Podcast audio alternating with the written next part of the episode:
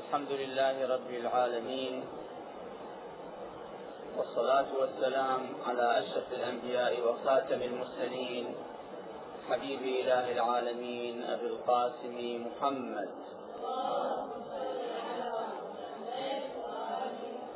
وعلى آله الطيبين الطاهرين الغر الميامين. واللعنة الدائمة على أعدائهم من الأولين والآخرين إلى قيام يوم الدين. ولا حول ولا قوة إلا بالله العلي العظيم. اللهم كن لوليك الحجة بن الحسن صلواتك عليه وعلى آبائه الطاهرين في هذه الساعة وفي كل ساعة وليا وحافظا وقائدا وناصرا ودليلا وعينا. حتى تسكنه أرضك طوعا وتمتعه فيها طويلا. المحور الثالث في بحثنا عن الإمام المهدي عجل الله فرجه الشريف هو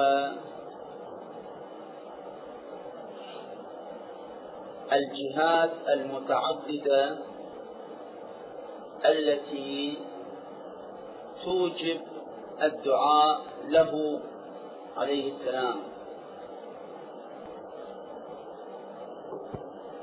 أساس البحث هو عن الدعاء للإمام المهدي. عجل الله تعالى فرجه الشريف. وذكرت في المحاضرات السابقة المقدمة والمحاور التي نتطرق إليها في هذا البحث. وصل الكلام إلى الجهة أو إلى المحور الثالث. الجهات المتعددة التي توجب الدعاء له عليه السلام.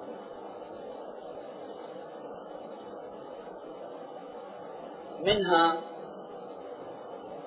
من هذه الجهات التي توجب أن نتوجه بالدعاء له والدعاء بتعجيل الفرج والدعاء بتسهيل أمره وحفظه وتيسير كل ما يتعلق بشؤونه عليه السلام. جهات عديدة منها إيمانه عليه السلام بالله سبحانه وتعالى.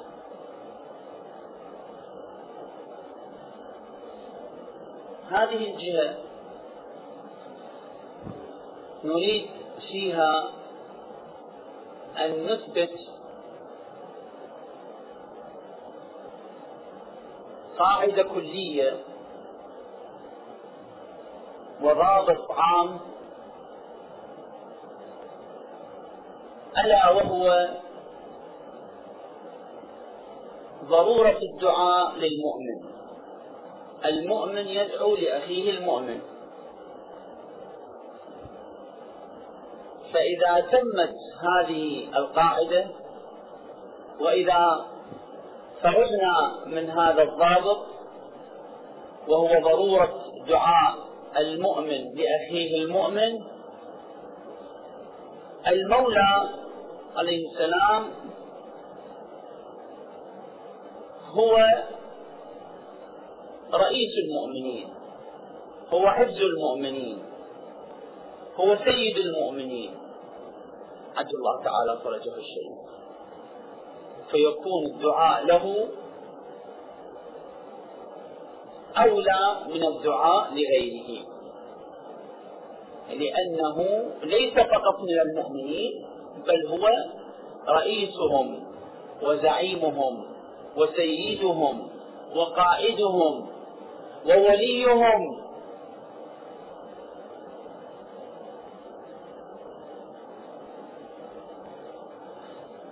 هذه جهة تتطلب منا وتستدعي أن ندعو له عليه السلام.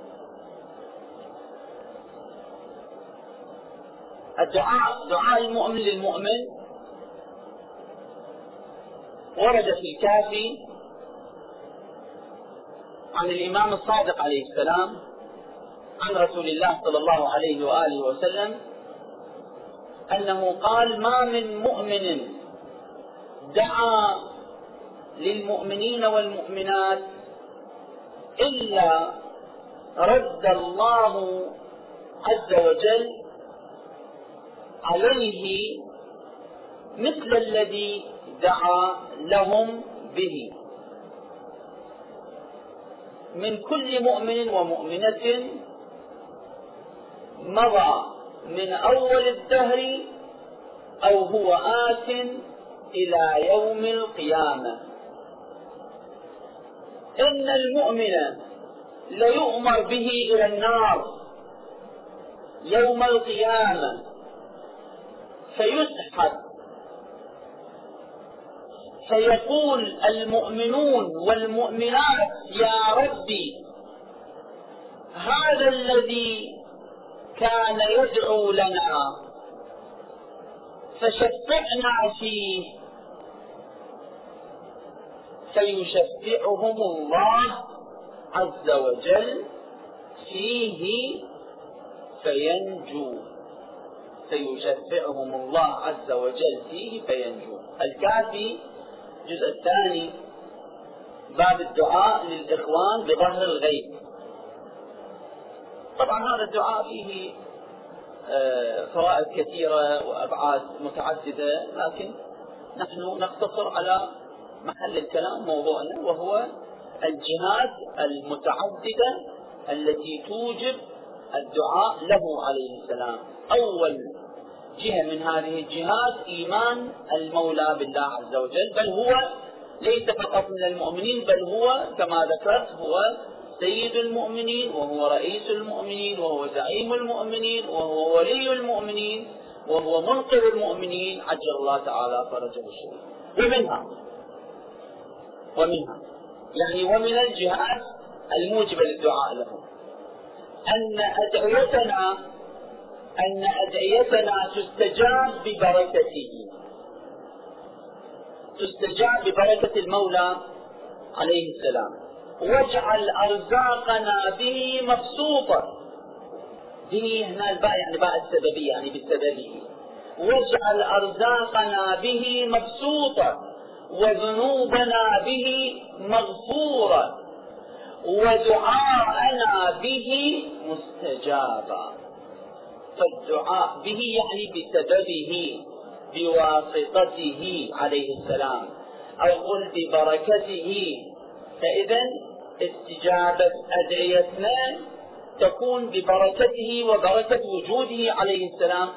فهذا أيضا موجب آخر يسبب أن ندعو له.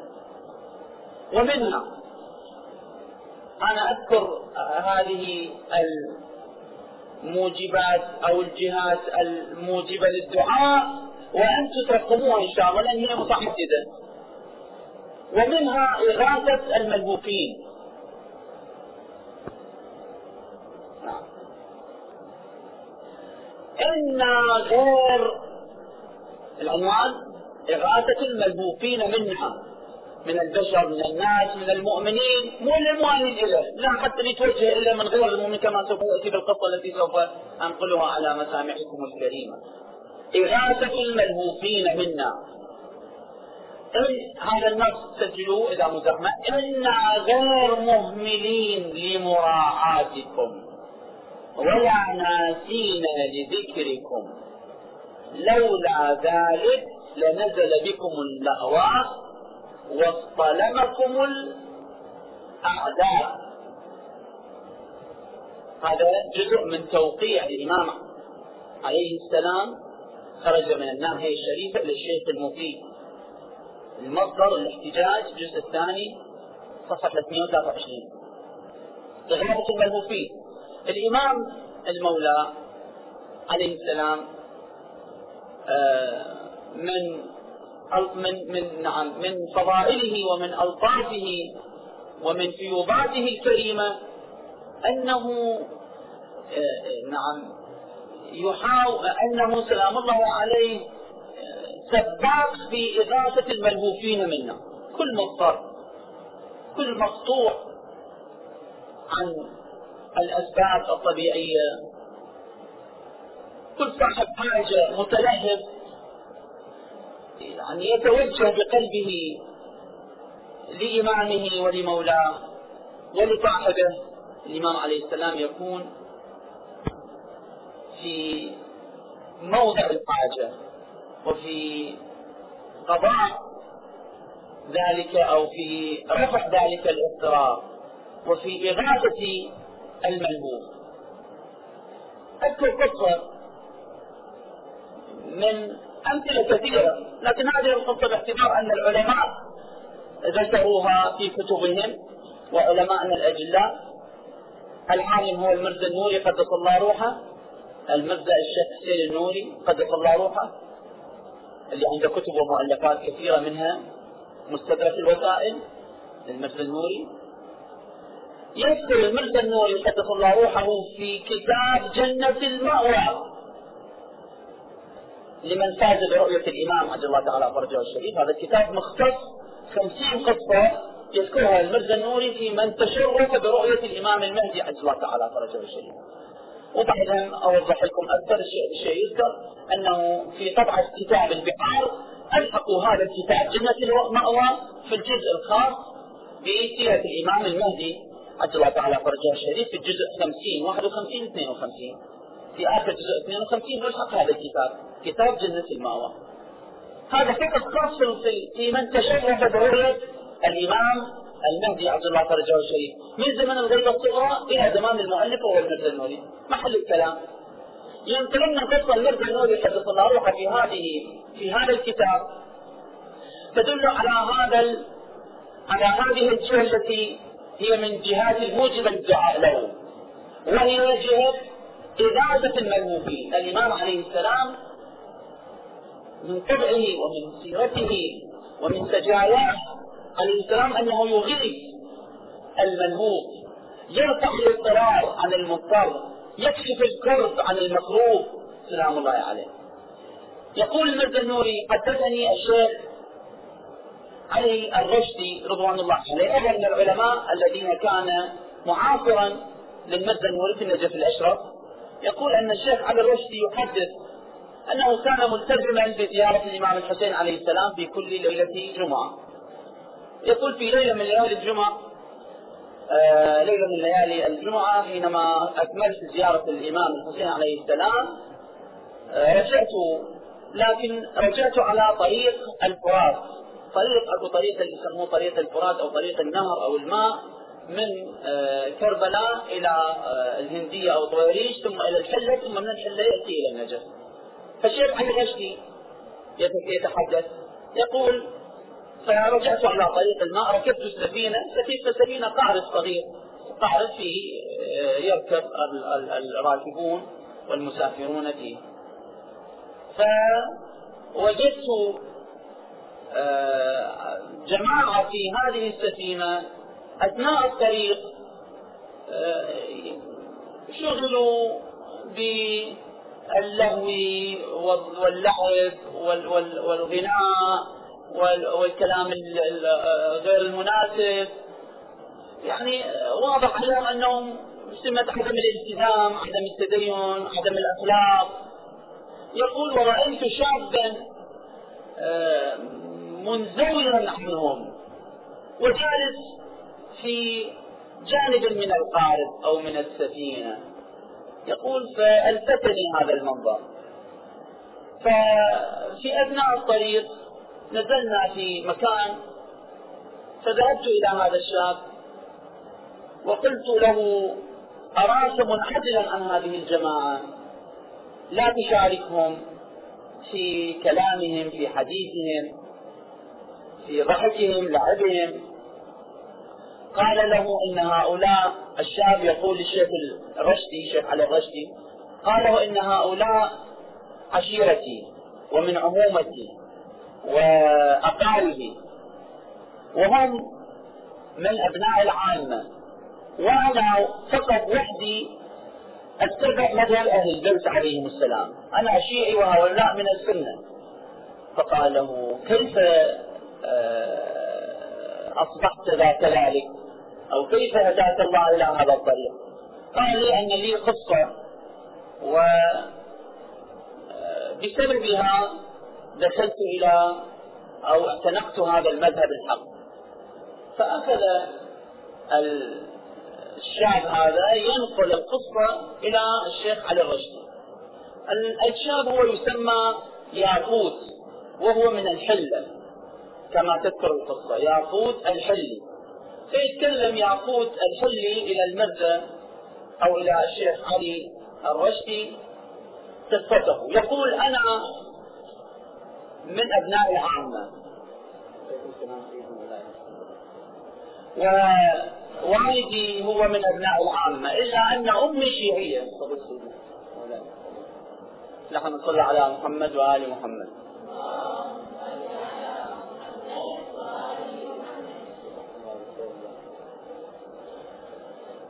يتكلم يعقوب إلى الشيخ علي الرشدي فيقول أنا آه، تابع لأبي لأبي سني من أبناء العامة لكن أمي كانت موالية لأهل البيت. و فأنا تربيت وكبرت على مذهب والدي. وعملي هو أني أبيع الدون على الجزء في الحلة في يوم من الأيام خرجت لأن أشتري آه، كمية من الدهن من خارج مدينتي من البراري والقفار كان هنالك بعض من البدو والبادية يبيعون هذا الدهن. فخرجت لأتسوق. فحينما خرجت إلى البادية على دابتي فأخذت مقدارا من الدهن ثم أحببت أن أرجع يعني أردت الرجوع إلى الحلة. وكان الطريق بعيدا فاتفقت لي رفقة من البادية على أن نرجع إلى المدينة. ففي الطريق صحبنا فيقول آه نمنا شيئا من الوقت. فحينما استيقظت من النوم رأيت أصحابي الذين معي الرفقة قد ذهبوا وبقيت وحيدا. ياقوت الحليدي ينقل قصة إلى شيخ الرشدي. ويبين لك كيفية هدايته إلى طريق أهل البيت عليهم السلام. فيقول وضعت بعد ما استيقظت ووجدت نفسي منفردا وقد سبقتني الرفقة وتركتني في في في ذلك المكان القبر وفي تلك الصحراء. آه وضعت آه أواني الجهل على الدابة وأخذت بالسير ولكني ظلمت الطريق. وهنالك مسافة بعيدة فراسخ بين هذا المكان وبين مدينة الحلة مدينتي. فظللت الطريق واحتجت وهنالك أيضا هذه الصحراء فيها من من الحيوانات المفترسة وفيها وكذا وقرب الغروب. فيقول فاحتجت بالخوف والرعب من الهلكة. هو يقول يقول فأخذت أتوسل إلى الله بالمشايخ الذين أعرفهم يعني بالأول بالثاني هو من أبناء العامة. بالمشايخ والصحابة. فلم أجد أي فائدة وهي حتى ذكرت بعد ذلك ذكرت أن أمي كانت تقول لي أن لدينا إمام غائب وهو الإمام المهدي عجل الله فرجه الشريف. هذا الإمام إذا كان أحد منا في حالة اضطرار أو في حالة ضياع فالإمام عليه السلام أو في حالة حاجة شديدة فالإمام عليه السلام يغيثه يلبي طلبه يقضي حاجته. يقول ياقوت أنا في تلك اللحظة قلت بيني وبين نفسي بعد أن توسلت بهذول المشايخ اللي هم يقولون أن هؤلاء هم المقدمين أو هؤلاء كذا فصممت أني أتوسل بالإمام المهدي عجل الله فرجه الشيء وكذلك علمت بأني اتوسل به وإذا هداني إلى الطريق سوف اعتنق هذا المذهب على يديه وبسببه وبركته عليه السلام. فيقول أخذت أناجي بكنية الإمام عليه السلام. طبعا هو أثناء ما كان يذكر قصة الشيخ علي الرشدي يقول كانت أمي تقول أن لنا إمام يكنى أبا صالح. يا أبا صالح أدركنا. فيقول استفدت به. فقلت يا أبا صالح أدركني. يا أبا صالح إني في هدك أدركني فيقول وإذا بمنيها ووجدت فارسا إلى قربي لابسا عمامة خضراء وقال لي قل يا ياقوت ماذا تريد؟ قال يا سيدي أنا ضعت الطريق وضللت الجادة أطلب منك أن تهديني إلى الطريق. فأخذني. وقال لي انظر إلى هذا الطريق هذا الطريق سوف يؤدي بك إلى قرية من موالينا. محل الشاهد هنا على في القصة. إغاثة الملهوف إغاثة الملهوف الملهوفين منا. فالإمام عليه فيقول قال له يا سيدي أنا أنا معتنق لمذهبكم ولولايتكم إن شاء الله. آه سيدي ألا تأتي معي إلى هذه القرية؟ ألا توافقني؟ فقال له الإمام هذا محل الشاهد. كلا يا ياقوت فإن هنالك عدد كبير. الرواية تقول آلاف ألف أو أكثر. المهم للكثرة. عدد من المؤمنين استغاثوا بي في هذه اللحظة فأريد أن أغيثهم وأرفع اضطرارهم هذا صلى على محمد وآل محمد. إغاثة الملوك فمحل الشاهد هنا نأخذ من القصة من القصة أن الإمام عليه السلام هو ليس فقط آه، إغاثته للملهوف منحصرة في قضية واحدة أو قضيتين والكثير والكثير من القصص أو من الظروف الصعبة التي تنقل أن الإمام عليه السلام قد تدخل في رفع ذلك الاضطراب لصاحب تلك القصة أو ذلك الاضطراب وإغاثة الملهوف. طبعا بقية القصة مذكورة. إذا تراجعوها في كتاب جنة المأوى للمرز النوري أن هذا ياقوت الحلي الحمد لله اهتدى واستبصر ثم ذهب رجع إلى الحلة وذهب إلى السيد مهدي القزويني قدس الله روحه العالم المشهور المعروف في الحلة وطلب منه أن يعلمه مبادئ أهل البيت عليهم السلام واستبصر على يده وتكملة القصة آه، موجودة ونكتفي آه، في بالنسبة إلى هذا العنوان. في إغاثة الملهوفين. طبعا هو طلب من سيد مهدي قال أنا أريد أشوف الإمام عليه السلام مرة ثانية إمامي ومولاي.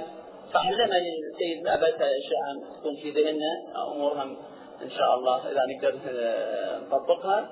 أن الإمام عليه السلام قال له إذا أردت أن تتشرف برؤية سيد مهدي القزويني سيد مهدي القزويني عفوا قال له إذا أردت أن تتشرف برؤية الإمام المهدي عجل الله فرجه الشريف مرة أخرى فعليك بأن تلتزم زيارة الحسين عليه السلام أربعين ليلة جمعة. وهكذا ويلتزم يشوف الإمام على على راسه يذكر القصة يمكن تراجعوها في كتاب جنة المأوى للمز للمز النوري قدس الله روحه وذكرت لكم أن هذا الكتاب ملحق بكتاب بحار الأنوار في الجزء 51 52 53 المختص في كتاب العنوان مختص عن سيرة الإمام المهدي عز الله فرجه الشريف. هذا الأمر الآخر. الأمر الأمر الذي يليه في ما نحن في محور بحثنا الجهات المتعددة التي توجب الدعاء له عليه السلام هو أمن السبل والبلاد بظهوره عليه السلام. يعني حالة آه، حالة عدم الاطمئنان وعدم الاستقرار والفوضى آه، وانتهاك الحرمات التي هي موجودة على مر التاريخ وقد الآن هي موجودة بشكل مركز وخصوصا في عراقنا الجريح. بظهور الإمام عليه السلام سوف تأمن السبل والبلاد وتكون الحياة حياة آمنة. وكما في الرواية الشريفة عن الإمام الصادق إذا قام الإمام إذا قام القائم عبد الله فرجه الشريف حكم بالعدل وارتفع في أيامه الجور وأمنت به السبل وأخرجت الأرض بركاتها. محل الشاهد وأمنت به السبل. تكون آمنة وفي حديث آخر عنه تخرج العجوز الضعيفة من المشرق تريد المغرب ولا يهيجها أحد ولا يتعرض لها أحد. الجهات الموجبة للدعاء له منها إحياء الدين وإعلاء كلمته كلمة الدين. في دعاء النزبة نقرأ أين محيي معالم الدين وأهله؟ وفي تفسير الآية الكريمة بسم الله الرحمن الرحيم ليظهره على الدين كله. في التفسير أن معنى يظهر ليظهره عفوا ليظهره على الدين كله أي بظهور الإمام المهدي عز الله تعالى فرجه الشريف.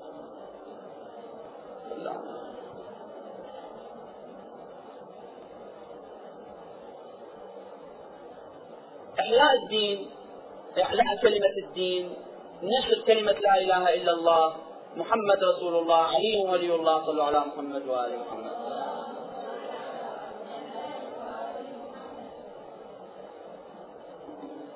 من الأمور التي تتميز بها حركة المولى عز الله فرجه الشريف و في الرواية عن الإمام الباقر عليه السلام في بيان حركة الإمام بعد ظهوره في مكة. هذا المقطع الذي يكون محل شاهد لكلامنا ثم يرجع إلى الكوفة عليه السلام فيبعث الثلاثمائة والبضعة عشر رجلا إلى الآفاق كلها. الآفاق أطراف البلاد إلى المدن إلى الأبقاع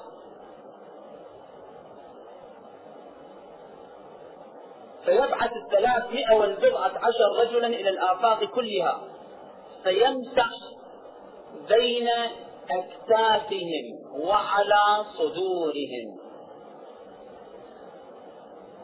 فلا يتعايون من العين يعني ما يضعفون. فلا يتعايون في قضاء ولا تبقى أرض. هنا محل الشاهد في في عنواننا. وهو نشر كلمة الحق وكلمة لا إله إلا الله. ولا تبقى أرض إلا نودي فيها شهادة أن لا إله إلا الله وحده لا شريك له وأن محمدا رسول الله. صلوا على محمد وآله. ومنها انتقامه من أعداء الله.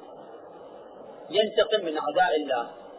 يعني من الماضين إلى قيام الساعة أو إلى قيامه.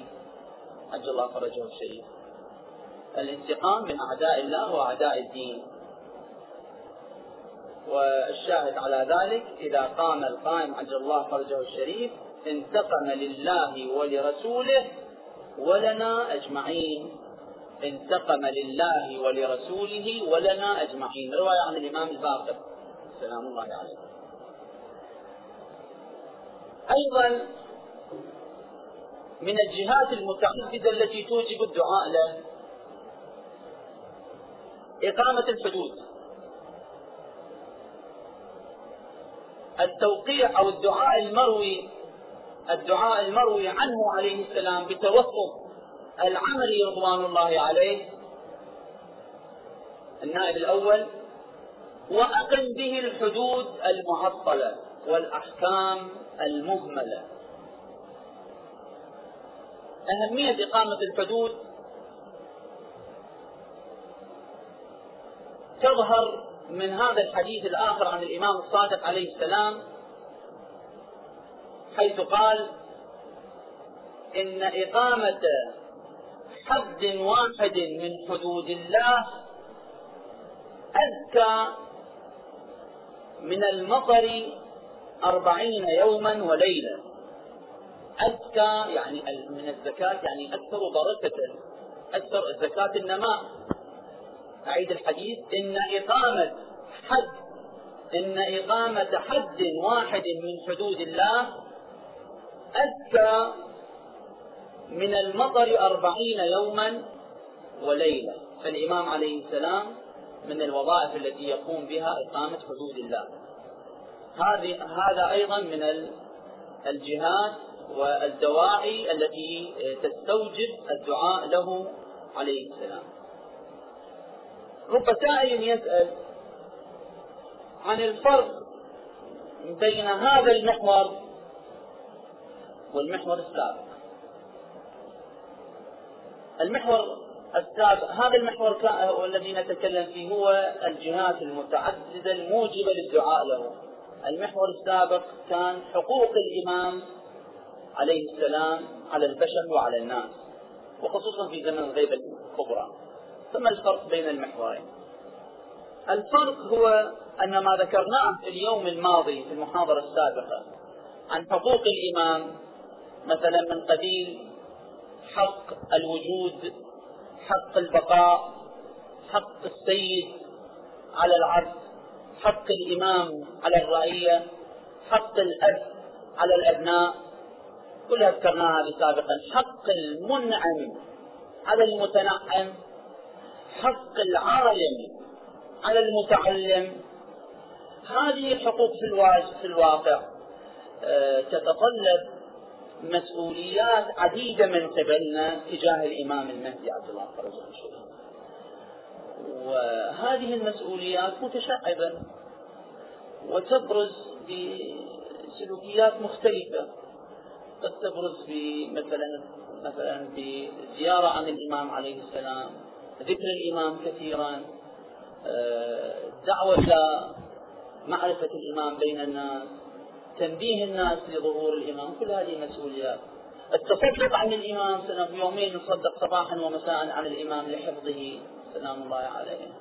دفع المكاره عن كل هذه مصادر تترتب علينا من وحي مسؤوليتنا وشعورنا بهذه الحقوق. منها الدعاء والدعاء له. فإذا هذه الحقوق آه، نستطيع أن نقول ينبثق منها عدة سلوكيات. منها الدعاء له. عجل الله فرجه الشريف. هذا بالنسبة إلى المحور السابق. أما هذا المحور هذا نتكلم عن تلك الجهات التي هي قد تكون هي تسبب الدعاء أو أصلا تستدعي تستدعي علينا أن ندعو للإمام عليه السلام. هذا الفرق بين المحورين. قد تتساءل بعض المؤمنات الكريمات عن الفرق بين المحور الذي طرحناه في المحاضرة السابقة وبين محور اليوم. هذه بعض الجهات التي تستوجب الدعاء للإمام عليه السلام وهنالك جهات كثيرة أخرى. حقيقة قد لا يسع المجال الآن لإعدادها وذكرها. إن شاء الله في المحاضرات الآتية سوف أشير إليها وننتقل إلى المحور الآخر في بحثنا إن شاء الله والحمد لله رب العالمين والصلاة على محمد وآله الطاهرين.